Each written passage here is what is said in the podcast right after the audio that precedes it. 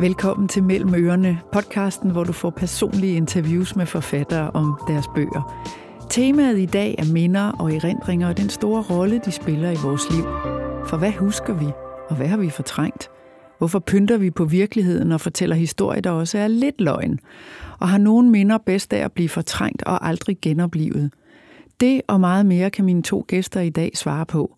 Sara Boucher er den første, og hun har skrevet romanen, der hedder Min mands elskerinde, hvor hovedpersonen Susanne mister sin mand gennem mange år, da han dør ombord på færgen til Jylland, selvom han havde sagt, at han var et andet sted. Susanne går på jagt efter den elskerinde, hun pludselig er overbevist om, at hendes mand har haft. Og den jagt fører hende tilbage til hendes egen fortrængte fortid og alle de oplevelser, hun har sat bag mental lås og slå. Udover at være forfatter, så underviser Sarah Boucher også på erindringskurser og lærer folk både at huske, genopdage og skrive deres egen historie. Min anden gæst er Mikkel Frej Damgaard, der har skrevet en bog om sin far, der begik selvmord, da Mikkel var bare 8 år. Sørgekåben hedder den, og den handler om, hvordan Mikkel Frej Damgaard som voksen forsøger at stykke historien om sin ulykkelige far sammen, dels ved at trække på andres erindring om ham, og dels ved at dykke ned i den mappe med efterladte papirer, der blandt andet indeholder de selvmordsbreve, hans far sendte. Gennem flere år har han efterforsket sin fars liv, og undervejs fundet ud af, at meget af forklaringen på farens selvmord ligger hos farfaren og bedstefaren, og de familiehemmeligheder, der har løbet gennem generationer. Det er dejligt, du lytter med. Velkommen til Mellem Ørerne.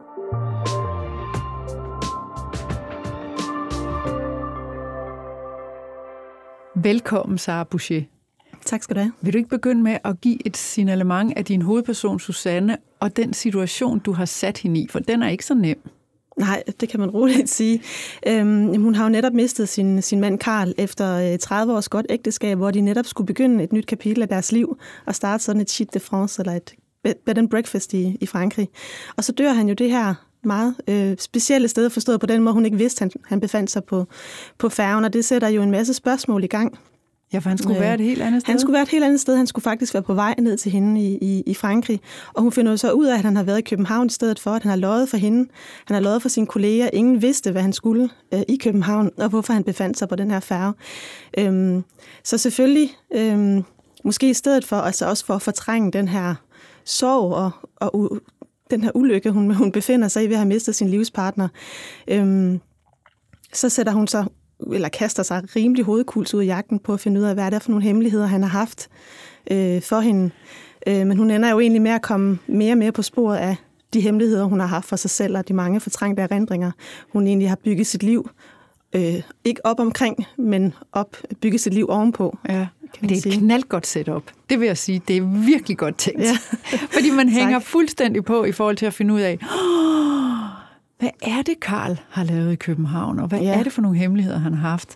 Nu skal, altså, uden at afsløre for meget, det, det skal vi selvfølgelig ikke, så, så viser det sig jo undervejs, at der, der er netop, som du også siger, mange ting, Susanne har pakket væk øh, i forhold til sin mor og sin far og sin mand mm. og sin barndom og sådan noget. Hvorfor har du valgt en hovedperson, der har fortrængt så meget? Øhm, fordi jeg netop synes, det kunne være rigtig interessant netop at tage en kvinde som Susanne, der har levet et godt øh, langt liv, og i hendes egen optik et meget øh, lykkeligt liv, og har befundet sig i et lykkeligt ægteskab, har været en god mor øh, for sin datter.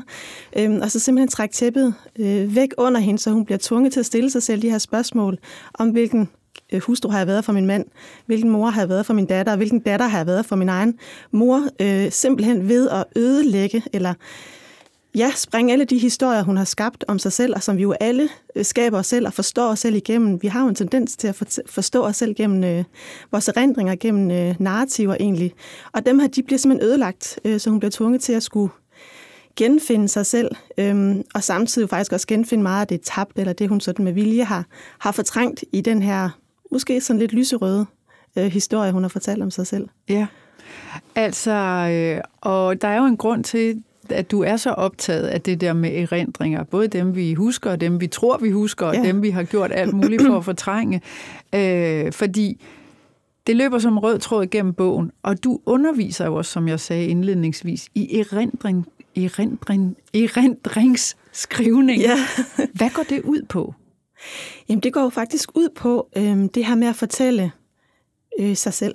Øhm, og mange, de ender med at bruge det som et terapeutisk redskab egentlig, men de fleste kommer jo fordi, at de efter de har levet et liv, der, der har både været kvinder og mænd i 30'erne, 40'erne, 50'erne, men det er især de ældre, øh, som også har tiden måske til at reflektere over det liv, de har levet, øh, og som kommer med et behov og en lyst til at fortælle øh, ikke nødvendigvis hele deres livshistorie, men dykke ned i nogle særlige erindringer og skrive dem ned for at genfortælle dem, eller i hvert fald så de er der til børnene og børnebørnene. Mm. Øhm, og det, der så er vildt spændende, synes jeg, i de her kurser, det er jo, at tit så ender de ud med noget, ikke noget helt andet, men noget jo ret anderledes.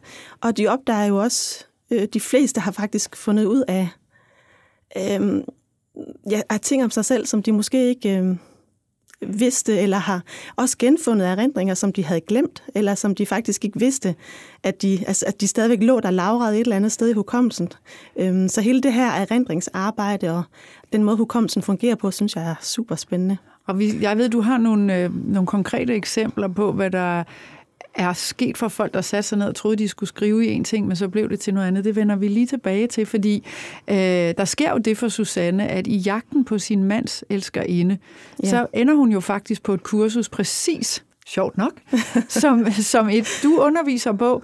Så jeg tillader mig faktisk at indlæse dig i bogens underviser. Han hedder Erik. Kan man ja. godt sige, at du er Erik, når man læser jo, bogen? Jo, det kan man, det ja, kan man roligt godt. sige.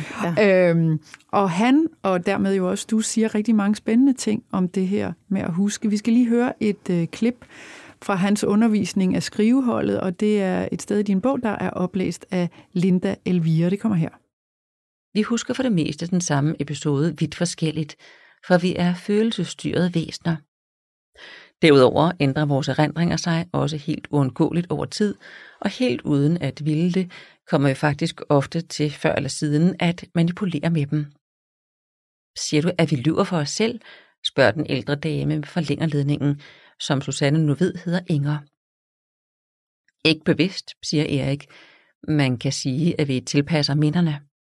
Vi skåner måske os selv, retfærdiggør et og underkender noget andet, tilkender et element mindre betydning til fordel for et andet. Det er jo kun en brøkdel af vores levede liv, vi husker. Dagene flyder sammen, og for eksempel husker vi sandsynligvis kun enkelte betydningsfulde glimt fra en speciel dag eller oplevelse. Resten stykker vores hjerne sig sammen senere i forsøget på at skabe en forbindelse og sammensætte et plausibelt handlingsforløb. Han vender sig og går tilbage af midtergangen op mod katedret. Og sjovt nok tildeler vi også ofte os selv en særlig rolle, som ikke er helt i overensstemmelse med virkeligheden, og som har en tendens til at blive lidt mere positiv, som årene går.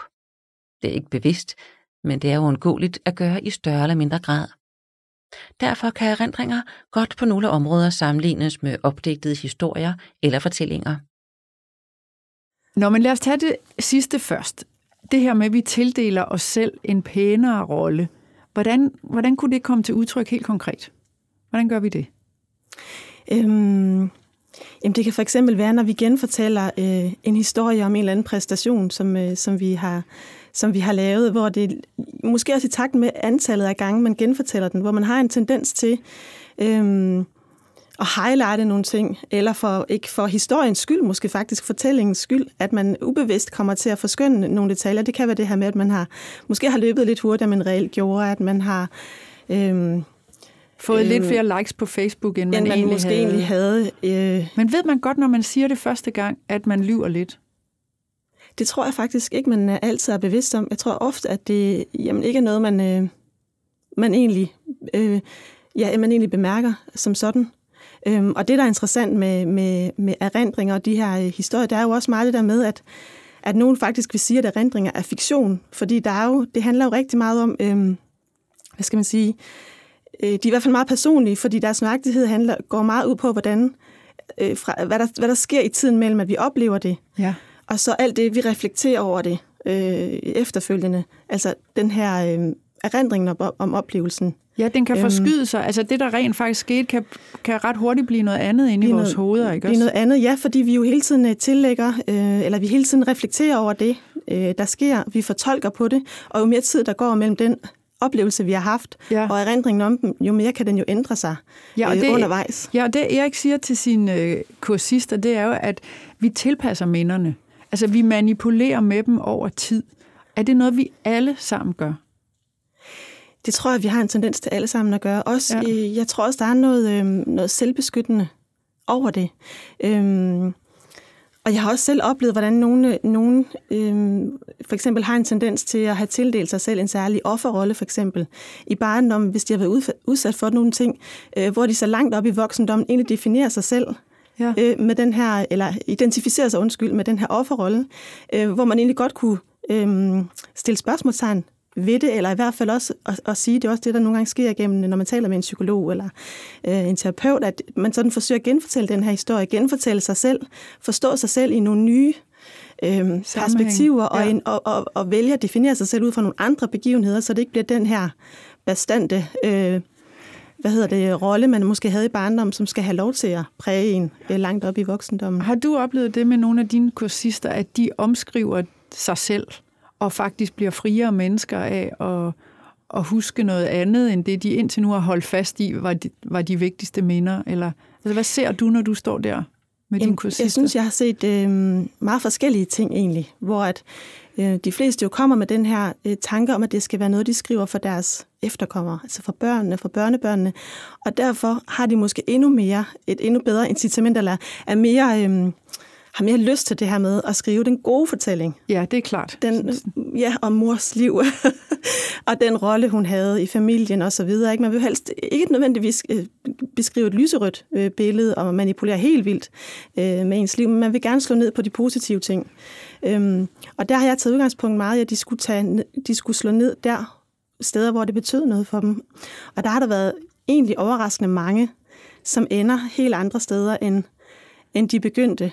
Øhm, ja, du har et par eksempler. Lad os bare tage dem nu faktisk. Med. Ja, og det har også understreget senere, at hvor vigtigt det egentlig er med de her kurser, at man etabler, får etableret et trygt og tillidsfuldt rum at dele, for de ofte deler læser de, his, øh, ikke historier, læser de erindringerne op for hinanden, øhm, som jo egentlig bliver utrolig personlige. Øh, der var for eksempel en, en øh, ældre mand, som, som startede med, at han gerne ville beskrive sin øh, barndom og opvækst i Sydamerika for sine børn. Øhm, fordi den del havde kendt de ikke rigtigt til. Øh, og der var en far, der var meget øh, til stede i de her erindringer. Og det startede meget med de her maleriske beskrivelser af landskabet og det sted, de boede osv. Men han endte faktisk med at skrive sådan en ret. Den her far var, det var, øh, hans far var død på det her tidspunkt, øhm, men endte med at skrive i du-form, altså egentlig tiltale. Faren, du gjorde sådan, du var sådan og sådan, og det endte jo egentlig med at være en, en ret øh, barsk beskrivelse af det forhold, han har haft til sin far, og alt det, han stadigvæk havde af, af vrede øhm, mod den her far. Og, og der var gentagende episoder, øh, meget konkrete episoder fra, fra opvæksten, og det her far-søn forhold, som jo viser sig at være langt mere problematisk, end han jo egentlig gik til det. Øh, han gik jo til det med en, en tanke om, at nu skal jeg genfortælle nogle gode det var det øh, lille hus på prærien. Ja, det var, ja. Det, det var det jo sådan set lidt. Ja. Og han var meget overrasket over det. Det var også... Øhm, altså, det tyngede ham i en periode, men han er en af dem, der har fortsat øh, langt efter med at skrive, fordi det også frigjorde ham på en måde, tror jeg. Ja. Og så havde du en kvinde også, der, der, der også op... Ja. Eller hendes tekst blev meget voldsommere, end det var meningen. Ja, øhm, hun var også... Øh, ja, en, en, en kvinde, der kom med tanken om, at det skulle være, jeg tror egentlig lidt sådan, det lyder så hårdt, når jeg siger censureret version, men det bliver det jo lidt, når man vælger kun højdepunkterne, lyspunkterne. Øhm, men hun, og det var den måde, hun øh, kom til, til kurset, men hun endte også med faktisk at beslutte sig for at fortælle øhm, de historier om øh, øh ægteskabet, som hendes børn ikke kendte til. Jeg ved så heller ikke, om hun vælger at dele de her øh, erindringer egentlig med sine børn.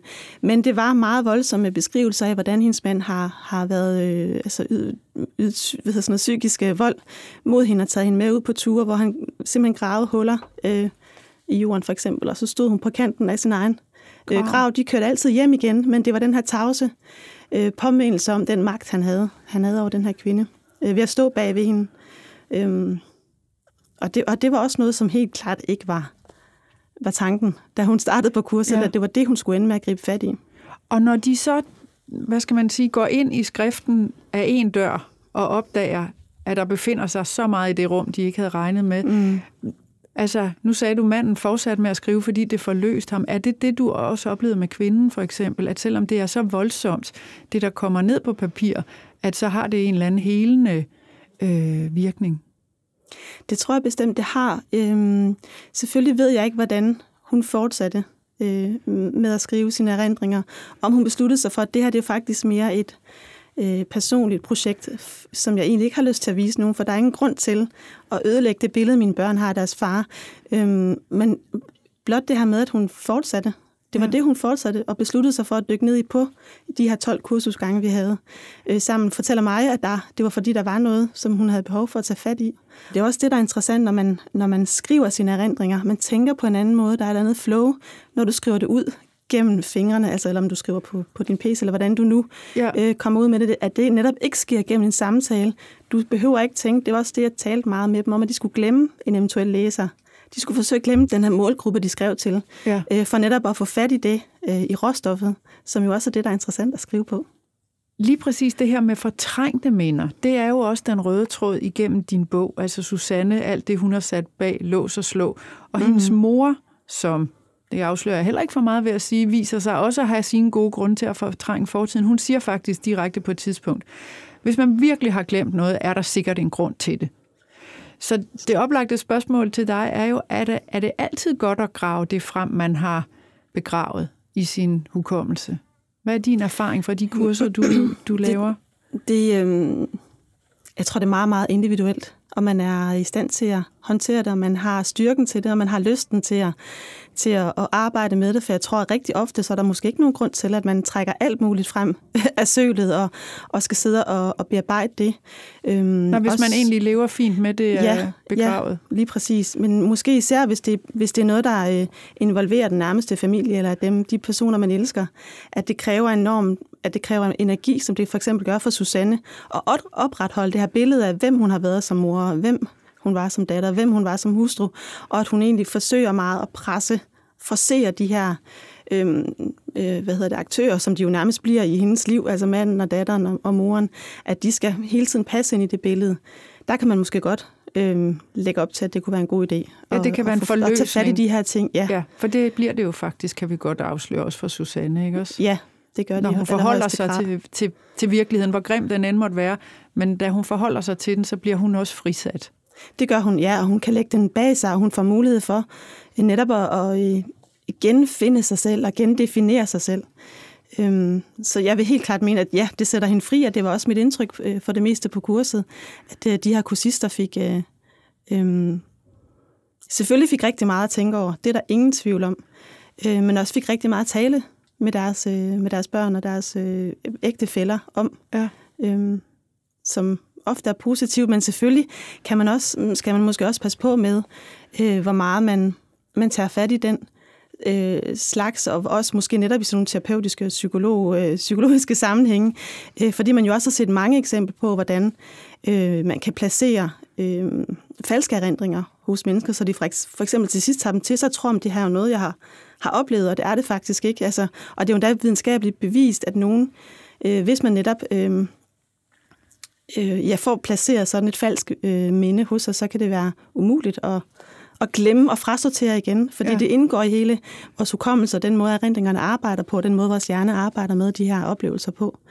Øhm, så der kan man jo godt tale om, at, at så bliver det mere fiktion, end det bliver så meget andet. Men det er jo så interessant, fordi der er vel nærmest ikke en objektiv sandhed. Altså man ved jo godt, man har siddet fire mennesker rundt om et bord, man oplever et eller andet. Du ja. beder de fire mennesker om at fortælle, hvad skete der, og du får fire forskellige historier. Ja. Altså jeg ved, I er også fire søstre i din familie. Altså I husker jo heller aldrig det samme, vel? Nej, lige præcis.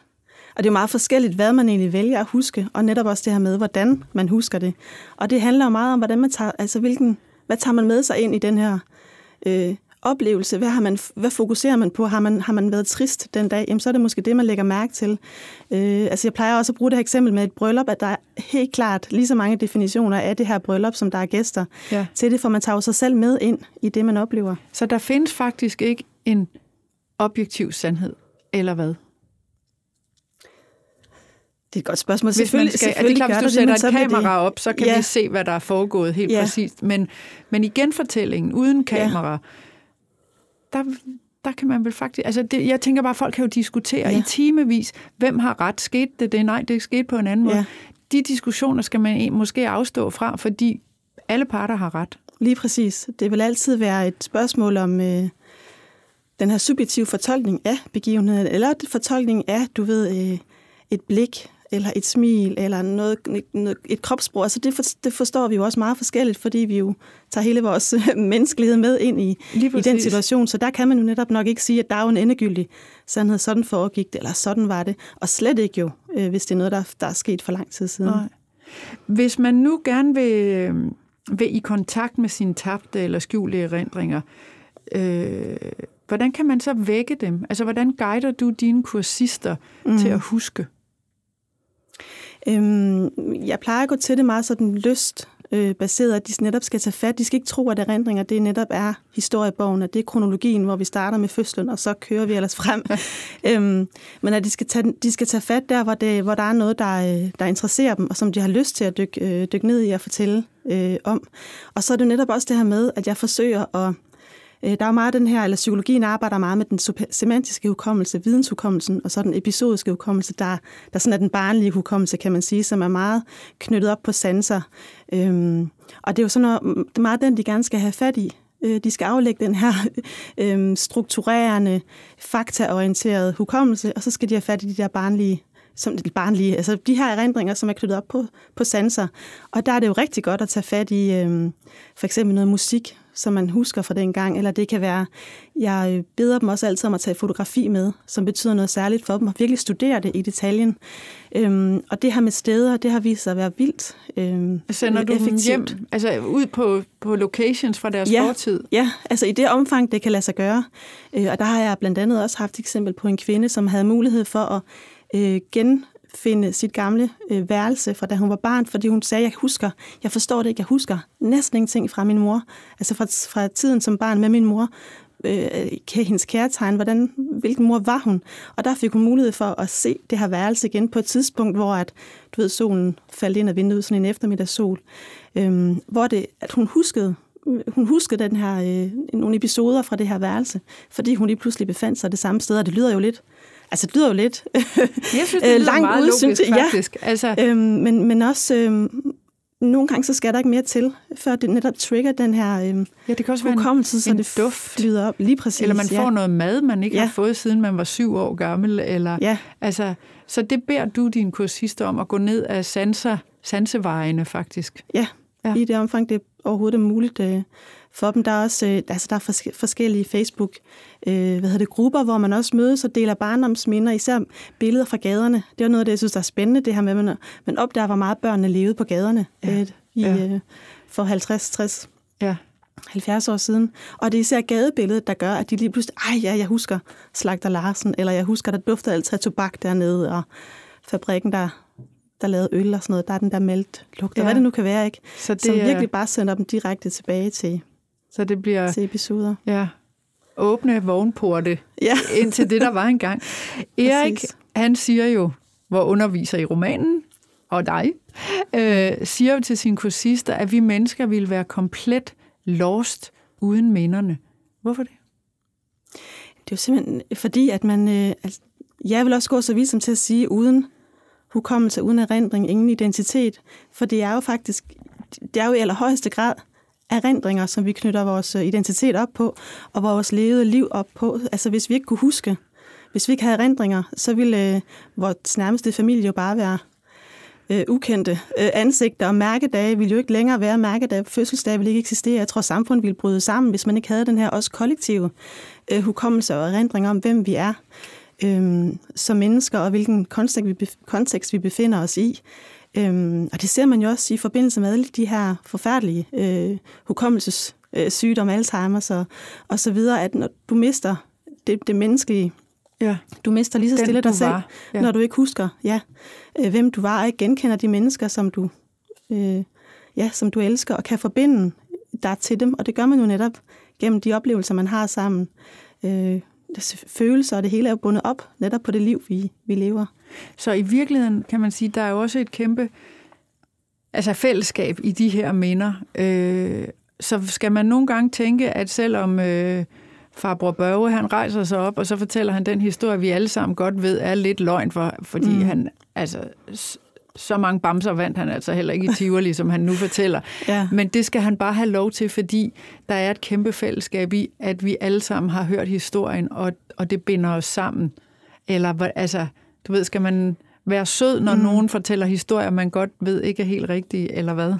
Det, det tror jeg altså så langt, som man nu, som man nu kan. Altså, jeg ja. kender det jo også fra mig selv og min egen familie, at der er nogle af de her, det er nærmest myter jo, som udgør vores øh, fælles kollektive familieidentitet. Nogle historier, som netop, og sikkert også mig selv efterhånden jo ikke, som man elsker at genfortælle, og som jo netop også måske ændrer sig en lille bitte smule fra gang til gang, så man kan diskutere, hvorvidt de egentlig kan hænges op på en reel øh, begivenhed. Men som du siger, de er jo med til at binde os sammen, og man finder et fællesskab øh, i den her historie, som bliver øh, ja, sammenhængsgivende jo i, i høj grad. Så hvis man har tålmodigheden, så, så måske bare lade ham fortælle den historie. Okay, Børge, vi hører den gerne en gang til. Ja.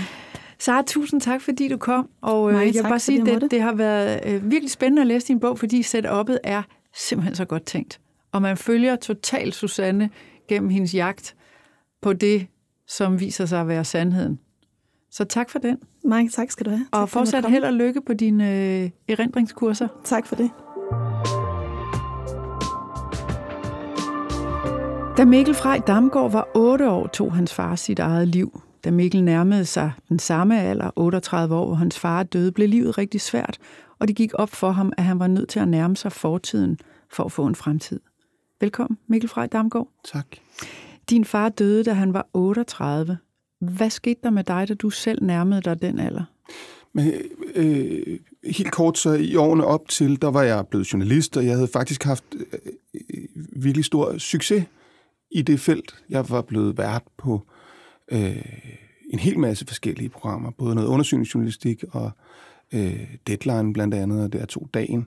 Og udefra set fik jeg lignede jeg en, der havde meget stor succes, og jeg fik også enormt meget anerkendelse, men der var også en uro i mig, som jeg ikke rigtig kunne putte nogen steder hen, og som jeg havde svært ved at adressere på anden måde, end at da jeg var dreng, efter min fars selvmord, havde jeg det meget svært. Der gjorde jeg enormt mange dumme ting.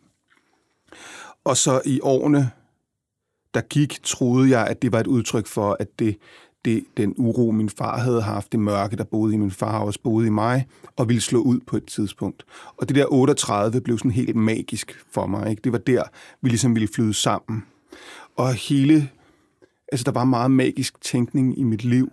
Altså, at noget skulle ske, altså noget, noget udefra kunne påvirke mig til at gøre bestemte ting, for eksempel at tage mit eget liv. Og de 38, det var der, jeg ville blive til ham. Så i årene op til var presset blevet større og større. Til sidst var jeg på en eller anden måde nødt til, øh, sammen med min arbejdsgiver, at kaste håndklædet i ringen og sige, at jeg var nødt til at have en pause og, og prøve at finde ud af, hvad, hvad det var, der var så vanskeligt for mig ved overhovedet at være.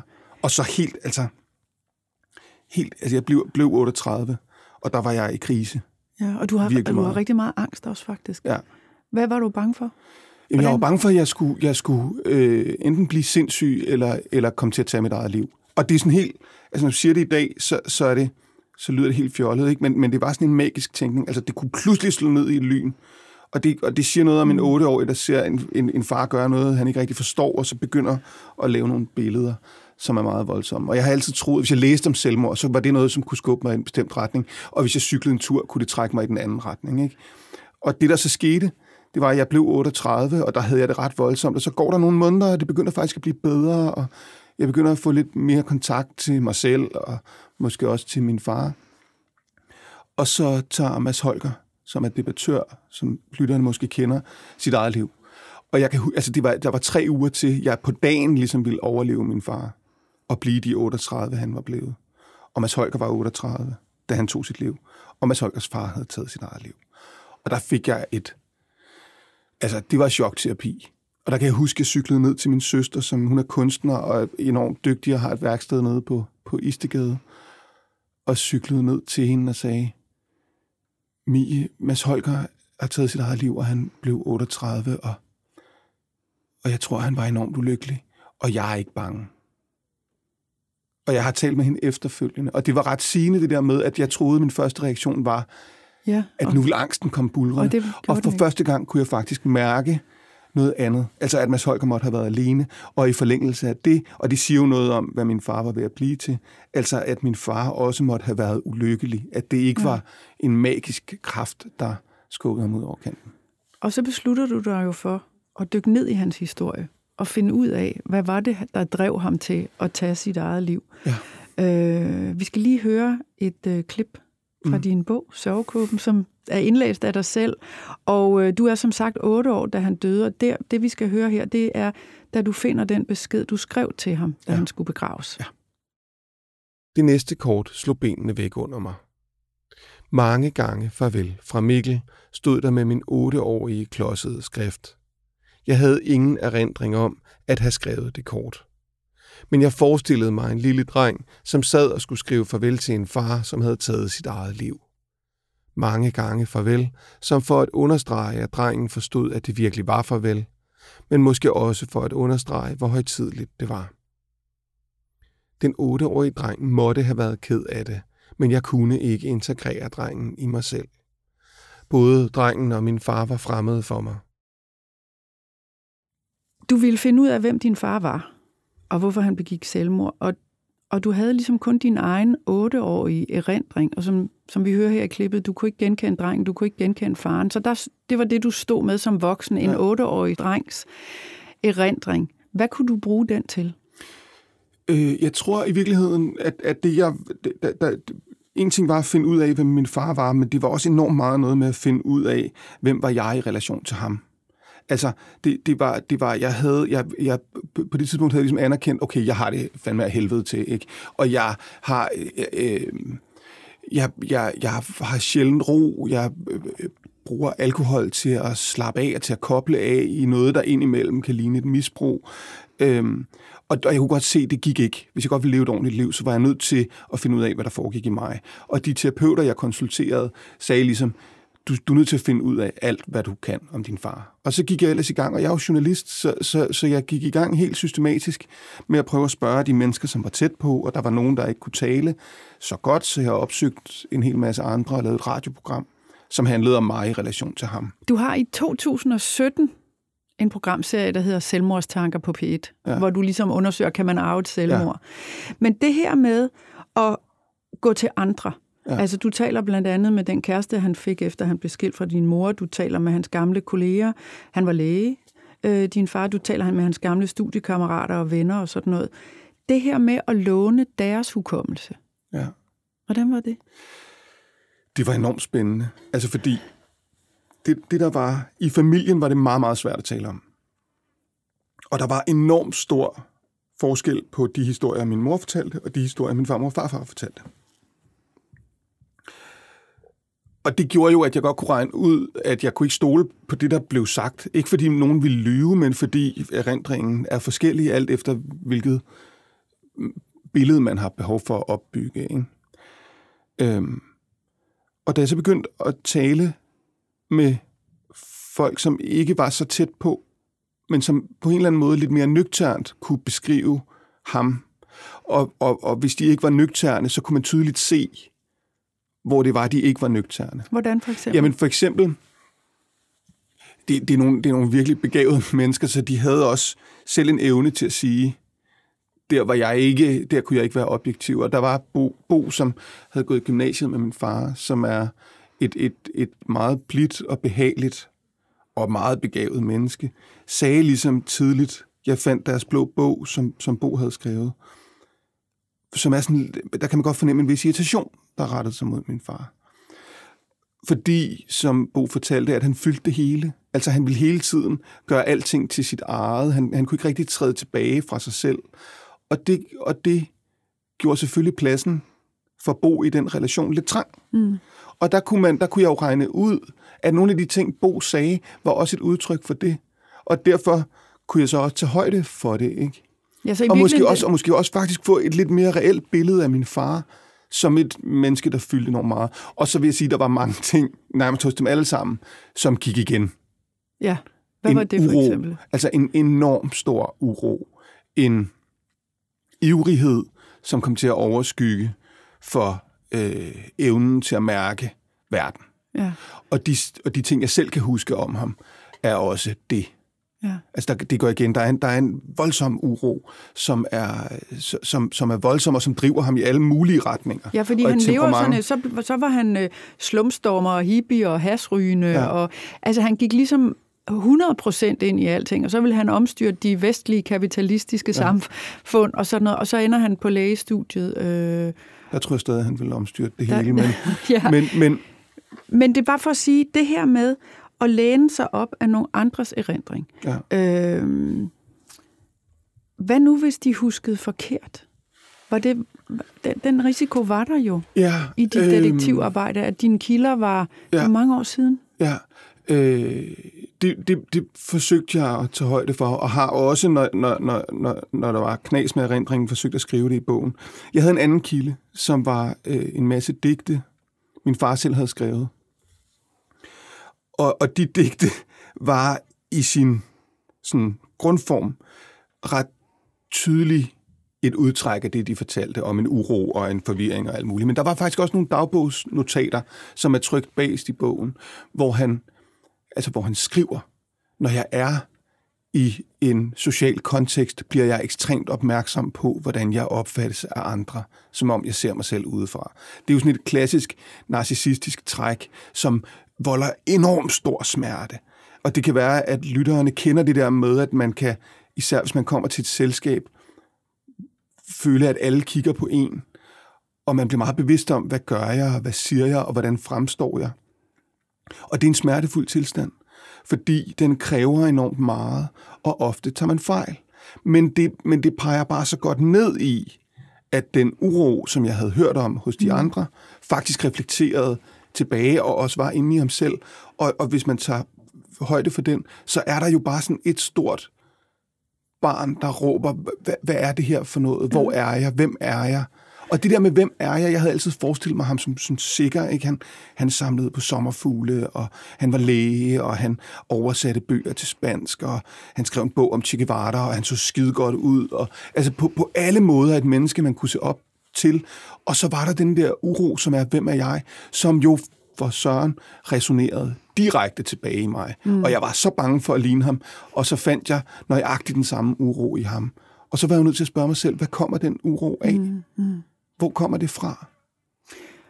Og vejen til at finde svaret, i hvert fald hvor uroen i ham kom fra, altså der, der, der dukker en mappe op hos din faster. Mm øh, med, med ting, han har efterladt. Blandt andet de digte der, ja. som, øh, som du snakker om her. Men deri ligger jo også hans selvmordsbreve. Mm. Altså, hvad betød det? Fordi en ting er jo, hvad folk måtte huske om ham, og blande deres egne følelser ind i det, eller hvor, hvor oprenset de nu kunne fremstille ham i varierende grad. Men, men det er jo fakta. Det at sidde med hans selvmordsbreve, det er jo fakta. Hvad betød det, at der var noget her sort på hvidt, altså ud over digtene, men der er en formulering i et af brevene om, at jeg har taget fejl i mange ting, skriver han, som, som også peger ned i den der uro. Og så var det jo, de, de var meget nøgterne og faktisk meget lidt udtryk for den der fornemmelse, jeg havde af ham, som også at være en mand, der dyrkede dramaet. Øhm, men, men, de, men de skubbede mig stadigvæk i en retning af at kunne komme tættere og tættere på ham, og det jeg havde været så bange for, og så starte en lidt større undersøgelse. Og så senere da jeg sådan gik systematisk til værks, så begyndte jeg, så fandt jeg hans, der var et tredje selvmordsbrev, jeg fandt politisagen. Ja, fordi du har faktisk siddet, du har siddet på Rigsarkivet, du har siddet på lokalarkiver, øh, du har været... Og tak på, til det kongelige bibliotek i øvrigt også. Og det kongelige bibliotek og biblioteket øh, i, i forhold til at lave research til de der, øh, den der programrække mm. på P1, Selvmordstanker. Øh, men det her med sort på hvidt, hvad, hvad, hvordan hjalp det, hjalp det din egen hukommelse og erindring på glæde, eller hvad gjorde det for dit arbejde med at finde ud af, hvem var han? Altså, der, er jo, det, det er jo, der sker jo noget i bogen, og noget i den her fortælling, som jeg ikke i min vildeste fantasi havde forestillet mig. Men man kan sige, at de første ting, jeg finder, beskriver stadigvæk ham som et menneske, der søger i, i en verden, som, som han opfatter kun består af to poler. Det rigtige og det forkerte, og alt derimellem er, er, kan han ikke holde styr på. Og det underbygger sådan set bare min fortælling og forståelse af ham. Men, men rundt om ham og rundt om det her frygtelige, der skete, er der jo øh, min mor og, og min familie, som godt vil videre fra det her. Det er sådan set kun mig, der ikke kan finde ud af det og blive ved med at hænge fast i det og trampe rundt i det, mens alle andre forsøger at komme videre. Og hos min farmor og farfar, et meget, meget, meget småborgerligt hjem, hvor der er styr på alting, og øh, øh, faktisk også en rigtigt og forkert tankegang. Ikke? Altså, snavs er dårligt, og øh, pudsede vinduer er fint. Og, der, og, der, og, der, og der, derfor var der jo... Det, det, det var også en stor kontrast til mig selv, og en stor kontrast til ham, på en eller anden måde. Øhm, og, og jeg, altså, det, det, det gjorde det meget let at sige, at problemet må være hos min far, eller problemet må være hos mig, når der hos min far og farfar var så ordentligt og ordnet. Og derfor gjorde det det også vanskeligt at nærme sig deres historie. Og så var det, da jeg lavede de der radioprogrammer, at jeg begyndte at høre nogle rygter og finde nogle små tegn på, at der måske var noget galt i den der ordnede i dukkehjemmet. Hvor der din var far nogle riser. voksede op. Ja, Ja, og skal vi, øh, skal vi tage hul på det? det kan vi godt. Fordi det er jo virkelig også i bogen, øh, hold da op, der åbner sig jo fuldstændig et nyt spor Ja. i Altså, fortællingen, ikke også? Jo, Så altså, lad os det- snakke om det. Ja. Min far gør voldsomt oprør. Han slår hånden af dem og vil ikke tale med dem og bliver slumstormer og tager stoffer og skriver digte og løber ind på banen til en fodboldkamp og gør alt det, de synes er forkert, kunne jeg forestille mig. Ikke? Og det gør jeg sådan set også i min opvækst. Øhm, Altså, opfør dig ligesom din far laver På en eller anden måde. Ja. På en Du er en rod i skolen, og du går i fire forskellige gymnasier, er det sådan Ja. noget, og det, det, du er det, man vil kalde utilpasset. ja, det tør siges. Ja, ikke? Og, og, det, og da jeg ligesom holder op med at reagere udad, så bliver jeg sådan lidt mere stakkel og, og, og traver rundt og kan ikke rigtig finde ud af noget. Øhm, Men lad os snakke om det, din far kom fra, ja, og hans Fordi- ballade ja. trang. ja, fordi jeg tror, jeg tænkte, hvorfor, hvorfor kunne du ikke bare komme overens med dine forældre, selvom de var borgerlige, og du var revolutionær? Det var min forklaringsmodel. Mm. Det måtte være konflikten. Og så hørte jeg, at min farfar ikke var helt fin i kanten. Hvordan? Jamen, jeg hørte, at, jeg hørte, at der havde været noget vold, og det var i virkeligheden ikke så overraskende. Det, det, dengang opdrog man ved tæve sine børn. Altså, det var sådan set ikke noget kontroversielt, men det var et kæmpe chok for mig. Jeg kan huske, at jeg fortalte til Mie, det er min søster, så begyndte hun at græde, og jeg blev også meget påvirket af, at de kunne have været hårde ved ham. Og så var min forklaringsmodel i lang tid, at det var det, det var det, han blev ved med at gøre oprør imod. Det var det, han prøvede at rykke sig væk fra, og ville noget andet. Ikke? Men der blev ved med at være et eller andet, som i ham, altså han skammede sig, sagde han også hele tiden. Og, og, og så hørte jeg, at min farfar, som sagt, øh, havde haft en lidt tvivlsom fortid. Og så begyndte jeg at søge på det, og opdagede, at, at han havde lavet ret omfattende bedrageri, og i, i det hele taget var en, en plattenslager af Han havde et rejsbyrå, ikke også? værste skuffe. Han oprettede et rejsebureau ja. i Ja. 48 Og snød. og snød, altså stjal sin, min oldefar var ligesom familiens patriark, øh, og havde et stort rejsebureau, og han snuppede kunder fra sin svigerfar, og fuskede med checks, og snød folk for småbeløb, i, øh, sagde han ville lege en lejlighed ud, og ville det så ikke alligevel. Og det var sådan et rimelig stort chok. Og det ledte mig så hen til, til, til en ny kontrast, som jeg ikke havde fået øje på før, fordi alt det mørke havde ligget hos min far, nemlig mellem min oldefar og min farfar. Og min oldefar var, var, var familiens store held. Det var din, faktisk, det var din fars mors far. Ja, Ja. Altså, så min- det var ikke min din fars farfars morfar, far. nej. nej. Så det så, var, så det, var sådan, det, det er også derfor, det var meget bristigt, synes jeg, at snuppe hans kunder. Og han, øhm, historien var, at han, havde, han var frugtgrosser før krigen, og under krigen, der var et import- importforbud, og han mistede hele sin formue på et læs citroner, som blev taget af tyskerne.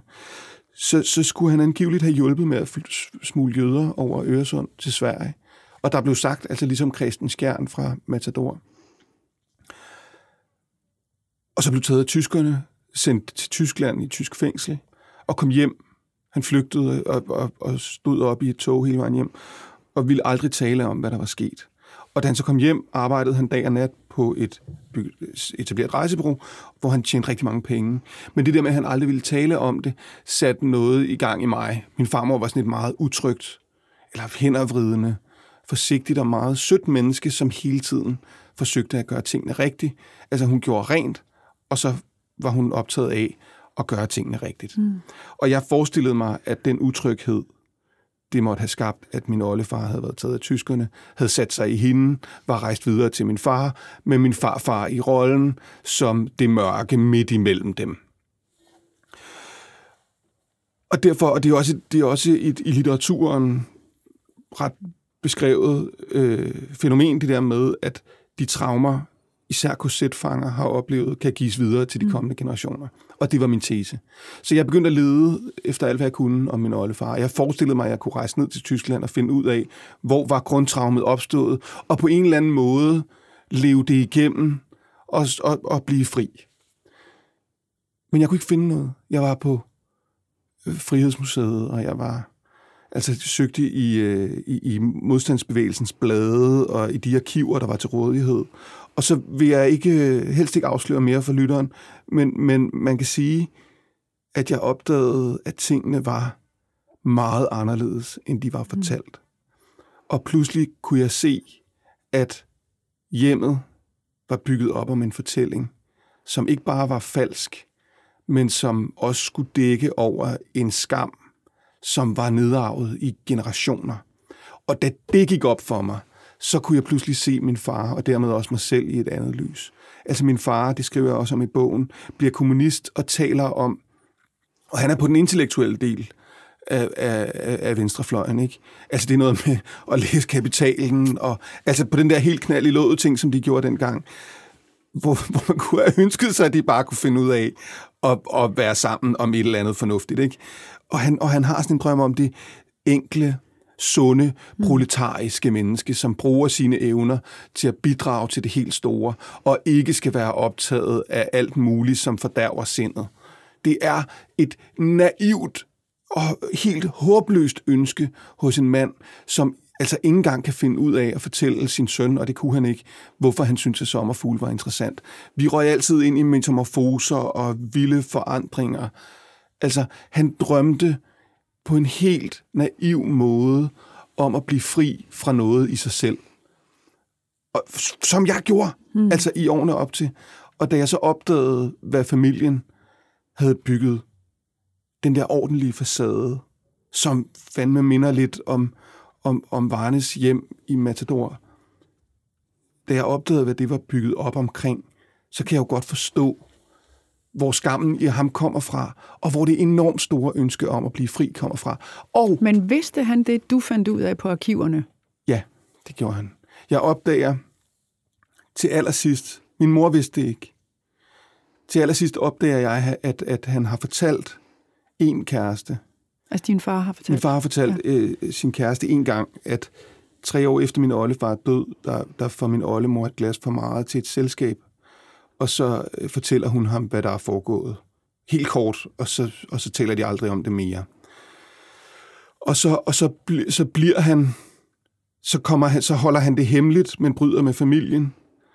Og, og, og så kan jeg se af hans tekster, at han arbejder med en skam i sig selv, som vedbliver at være der. Og så, og så finder jeg nogle dokumenter på, på Rigsarkivet, som, og, det, og det er Måske overromantisering og overfortolkning. Men min oldemor, som ligesom planter frøet hos ham, har nogle forsøg på at tage sit eget liv ved at kaste sig ud af et vindue. Og det flugter fuldstændig ja. med min angst for at kaste mig ud. Og på en eller anden måde, og det kan godt være, det er for meget af det gode, øh, er der en linje mellem hende og det, hun siger til ham, og mine ubehageligheder i dag, som gør det meget fint. Men det vigtigste er, at det skaber en åbning til en tid og en historie, som ellers har været lukket, og det er i mørket, at monstrene kan vokse. Og, og, og selvom det har gjort ondt at skrive den her bog, og, og fordi det faktisk har gjort så ondt, har jeg gjort mig umage for at gøre det så nøgternt som overhovedet muligt, så, så giver det os alle sammen en mulighed for at forstå os selv i et lidt andet lys, og måske flytte os væk fra, fra, fra det sumpede, og det uhyggelige, og det mystiske, og det forfærdelige. Så hvor, hvad står du tilbage med? Altså efter at have skrevet bogen, efter at have lavet dine radioprogrammer, efter at have lavet al den her research, efter at have afdækket kæmpe store og meget skamfulde familiehemmeligheder? En, en, en utrolig lettelse over, at jeg ikke ligger på et hummer i Aarhus og ryster af angst i en forestilling om noget, som er helt vildt uhyggeligt, som jeg ikke ved, hvad er. Og det her er lidt Som du høj- gjorde på et tidspunkt. Det gjorde jeg på et tidspunkt. Ja. Og det kunne sådan set godt have fortsat. Og det gjorde det heldigvis ikke. Og, og, og, og man kan sige, at dengang der forestillede jeg mig, at det, altså det forkerte, ikke? Det, det uhyggelige, det vemmelige. Og, og, og så, jeg, det, det er lidt højt ravne det her, men, men som Christensen skriver i Herværk, øh, et lille digt, som lyder sådan her, altså, øh, mens jeg førhen eller stundom troede, at synden var et mørkt og dyndet dyb, ved jeg nu, den er en slette, fyldt med trivielle kryb. Og det fine ved det er, at det, som var det uhyggelige, opfattede jeg som dybt og dønnet, altså noget, man hænger fast i, noget, man ikke kan komme igennem. Men når man så opdager, at der er nogen, der har gjort noget forkert, og noget meget forkasteligt, så kan man sådan set godt se, at de er nogle kryb, men at man ikke selv behøver nedarve i generationer en skam, som intet har med hverken mig, eller min far, eller min farmor, eller min farfar for den sags skyld at gøre. Så, der, Og det tror jeg er det vigtige her. Ikke? Så du har faktisk øh, klippet, hvad skal man sige, den onde navlestreng. Det håber jeg jo, Cecilie, men jeg Ja. ved, altså man kan sige, det, er jo- det er jo min helt store drøm, ikke? Men, men, men, men altså, C.V. Jørgensen synger også, jeg, jeg, jeg vedkender mig gerne min gæld, bare jeg får lov til at stifte den selv. Og, og det, må, altså det, det er sådan set et ret simpelt og opbyggeligt ja. budskab, ikke? Men det her med at... Altså, du siger jo også på et tidspunkt øh, i bogen, og nu citerer jeg lige, det var svært at finde kilder, som både kunne og ville fortælle, hvad de oplevede med ham, altså din far i den sidste tid. Når jeg spurgte den nærmeste familie, oplevede jeg ofte, at de tøvede eller ikke kunne huske, hvad der skete. Så der er jo også i familien det her med, som du siger, du dykkede ned i det, andre ville bare gerne videre. Mm. Og nu kaster du rundt med hovedstolen i, i fuldt dagslys. Ja. Altså, hvad siger din mor til, at du er dykket ned i det her? Hvad siger din søster til det? I begyndelsen var de meget nervøse for det. Der opstod en meget grim konflikt imellem min mor og min farmor og farfar efter øh, min fars død.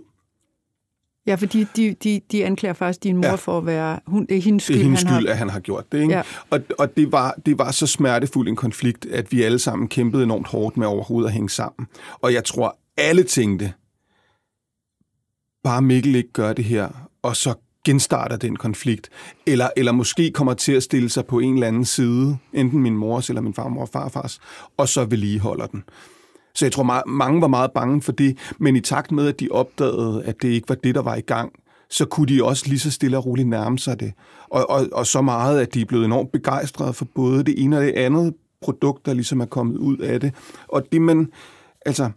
Det, det, det Og din farmor og farfar er døde, Ja, min farmor og farfar er døde. så de har ikke forholdt sig til Nej. det. Nej. Øhm, altså man kan sige, at min farmor har ganske kort, og, og, det, og det håndterede hun på, sin, på den måde, hun håndterer det på, altså ved at prøve at lade, som om det ikke er der, på den der forfærdelige, frygtelige måde. Men jeg tror, det man, det man kan sige om, om at, at bevæge sig ind i noget, som er så giftigt og så ubehageligt, er, at man skal være abnormt nænsom.